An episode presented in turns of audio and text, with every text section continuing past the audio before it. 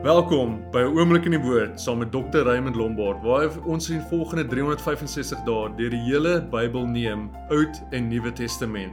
Gaan vandag na raymondlombard.com, kry jou Bybel leesprogram en volg saam deur 'n oomblik in die woord. Geniet dit. Genesis hoofstuk 15. Na hierdie dinge het die woord van die Here tot Abraham gekom in 'n gesig en gesê: Vrees nie Abraham, ek is vir jou 'n skild en jou loon is baie groot.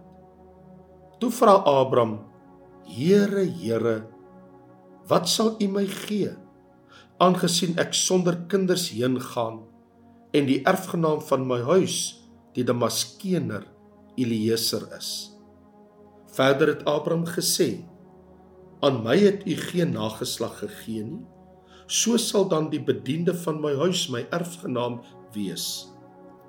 Toe kom die woord van die Here tot hom en sê hierdie een sal jou erfgenaam nie wees nie maar die een wat uit jou liggaam sal voortkom hy sal jou erfgenaam wees. Daarop lei hy hom uit na buite met die woorde kyk nou op na die hemel en tel die sterre as jy hulle kan tel en hy sê vir hom so sal jou nageslag wees.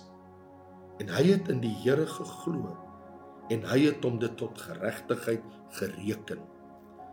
Verder het hy vir hom gesê ek is die Here wat jou uitgelei het uit Ur van die Galdeërs om jou hierdie land in besit te gee. En hy sê Here Here waaraan sal ek weet dat ek dit in besit sal neem? En hy antwoord hom Neem vir my 'n 3 jaar oud vers en 'n 3 jaar oud bokooi en 'n 3 jaar oud ram en 'n tortelduif en 'n jong duif. En hy het dit alles vir hom gebring en dit middeldeur gedeel en die helftes teenoor mekaar gelê. Maar die voëls het hy nie verdeel nie. Toe kom daar roofvoëls op die dooie diere af. Maar Abraham het hulle weggejaag. En toe die son wou ondergaan, val daar 'n diepe slaap op Abraham. En kyk, skrik en groot duisternis het hom oorval. Daarop sê hy vir Abraham: "Weet verseker dat jou nageslag vreemdelinge sal wees in 'n land wat aan hulle nie behoort nie. Daar sal hulle diensbaar wees en verdruk word 400 jaar lank." Maar ek sal ook die nasie oordeel aan wie hulle diensbaar moet wees. En daarna sal hulle uittrek met baie goed. Maar jy sal na jou vaders gaan in vrede. Jy sal in goeie ouderdom begrawe word. En die vierde geslag sal hierheen terugkom, want die ongeregtigheid van die Amorite is tot nog toe nie vol nie. En na sononder toe dit heeltemal donker was, gaan daar 'n rokende oond en vuurige fakkel tussen die stukke vleis deur. Op die dag het die Here met Abraham 'n verbond gesluit en gesê: "Aan jou nageslag gee ek hierdie land van die rivier van Egipte af tot by die groot rivier die Eufratrivier. Die Keniete en Kenesite en Kadmonite en Hittite en Feresite en Rafaite en Amorite en Kanaaniete en Girgasiete en Jebusite Genesis hoofstuk 16 Maar Sarai die vrou van Abraham het vir hom geen kinders gebaar nie sy het 'n Egiptiese slavin gehad met die naam van Hagar. En Sarai het vir Abraham gesê: "Jy weet, die Here het my nie toegelaat om moeder te word nie. Gaan tog in by my slavin. Miskien sal ek uit haar gebou word." En Abraham het na Sarai geluister. Toe neem Sarai, die vrou van Abraham, Hagar, die Egiptiese, haar slavin nadat Abraham 10 jaar in die land Kanaan gewoon het en gee haar aan haar man Abraham om sy vrou te wees.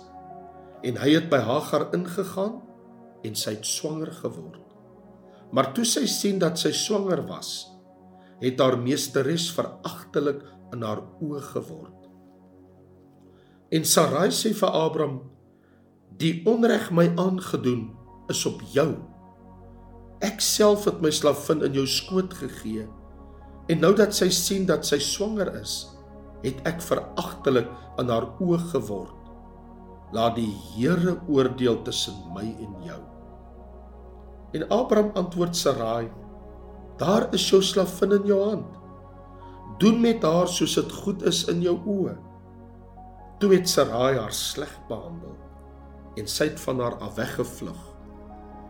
En die engel van die Here het haar by 'n fontein in die woestyn gevind by die fontein op pad na Sur en gevra Hagar slavin van Sarai waar kom jy vandaan en waar gaan jy heen?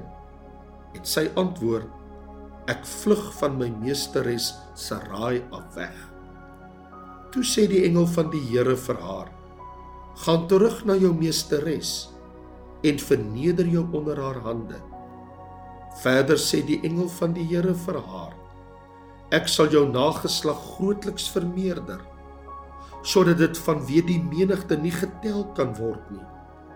Ook sê die engel van die Here vir haar: Kyk, jy is swanger en sal 'n seun baar en jy moet hom Ismael noem want die Here het jou in jou elende verhoor en hy sal 'n wilde esel van 'n mens wees. Sy hand teen almal en almal se hand teen hom. En hy sal teenoor al sy broers woon. Toe noem sy die naam van die Here wat met haar gespreek het. U is 'n god wat sien want sy het gesê het ek hier ook gesien na hom wat my sien daarom noem hulle die put put van lagai rooi Dit lê daar tussen Kades en Beret. En Hagar het vir Abraham 'n seun gebaar. En Abraham het sy seun wat Hagar gebaar het, Ismael genoem. En Abraham was 86 jaar oud toe Hagar Ismael vir Abraham gebaar het. Matteus hoofstuk 6. Pas op dat julle nie jul liefdadigheid voor die mense bewys om deur hulle gesien te word nie. Anders het julle geen loon by julle Vader wat in die hemele is nie. Wanneer jy dan liefdadigheid bewys, moenie 'n trompet voor jou blaas soos die gefeinstes in die sinagoges en op die strate doen dat hulle deur die mense geëer kan word nie. Voorwaar ek sê vir julle, hulle het hul loon weg.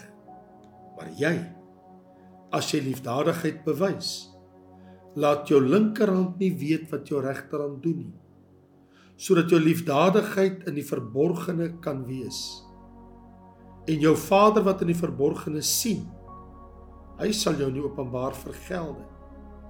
En wanneer jy bid, moet jy nie wees soos die gefeinstes nie want hulle hou daarvan om in die sinagoges en op die hoeke van die strate te staan en bid om deur die mense gesien te word. Voorwaar ek sê vir julle dat hulle hul loon weg het. Maar jy, wanneer jy bid, gaan in jou binnekamer, sluit jou deur en bid jou Vader wat in die verborgene is. En jou Vader wat in die verborgene sien, sal jou in openbaar vergelde. En as jy bid, gebruik nie 'n uitdele herhaling van woorde soos die heidene nie. Want hulle dink dat hulle deur al baie woorde verhoor sal word. Moet dan nie soos hulle word nie. Want julle Vader weet wat julle nodig het voordat julle hom vra. So moet julle dan bid. Onse Vader wat in die hemele is, Laat U naam geheilig word. Laat U koninkryk kom. Laat U wil geskied soos in die hemel net so ook op die aarde. Gee ons vandag ons daaglikse brood en vergeef ons ons skulde soos ons ook ons skuldenaars vergewe. En lei ons nie in versoeking nie, maar verlos ons van die bose. Want aan U behoort die koninkryk en die krag en die heerlikheid tot in ewigheid. Amen. Want as julle die mense hulle oortredinge vergewe, sal julle hemelse Vader julle ook vergewe. Maar as julle die mense hulle oortredinge nie vergewe nie, sal julle Vader julle oortredinge ook nie vergewe nie. En wanneer julle vas, moenie lank gesigte trek soos die gefeinstes nie, want hulle mismaak hul gesigte sodat dit deur die mense gesien kan word dat hulle vas. Voorwaar ek sê vir julle, hulle het hul loon weg.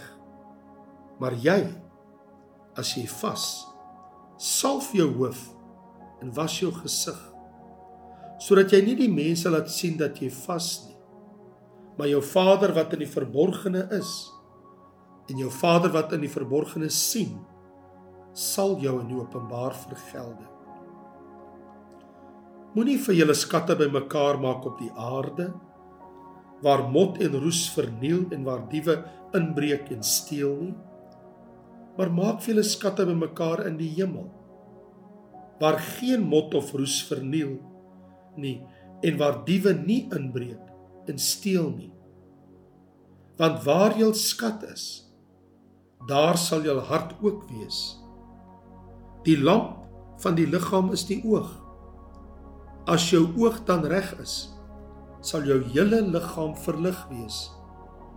Maar as jou oog verkeerd is, sal jou hele liggaam donker wees. As dan die lig in jou donkerheid is, hoe groot is die donkerheid nie? Niemand kan twee Here dien nie. Want hy sal of die een haat en die ander lief hê, of hy sal die een aanhang en die ander verag. Julle kan nie God en Mammon dien nie.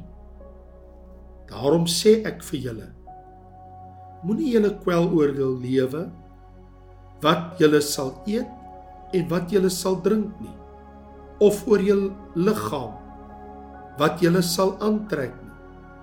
Is die lewe nie meer as die voedsel en die liggaam as die klere nie?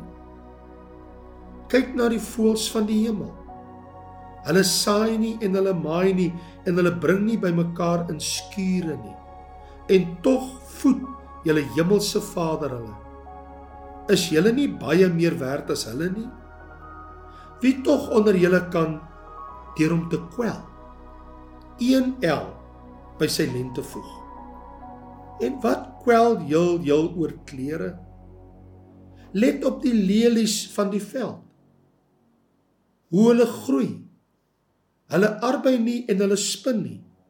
En ek sê vir julle dat self Salomo in al sy heerlikheid nie bekleed was soos een van hulle nie. As God dan die gras van die veld wat vandag daar is en môre in 'n oond gegooi word, so bekleed, hoeveel te meer vir julle klein gelowiges? Daarom moet julle jul nie kwel en sê wat sal ons eet? Of wat sal ons drink? Of wat sal ons aantrek nie? Want na al hierdie dinge soek die heidene. Want julle hemelse Vader weet dat julle al hierdie dinge nodig het. Maar soek eers die koninkryk van God en sy geregtigheid. En al hierdie dinge sal vir julle bygevoeg word kwel jou dus nie oor môre nie want môre sal hom oor sy eie dinge kwel elke dag het genoeg aan sy eie kwaad dankie dat jy by ons ingeskakel het. Ons vertrou dat die woord vir jou tot seën was. Skakel gerus môre in waar ons verder lees in die woord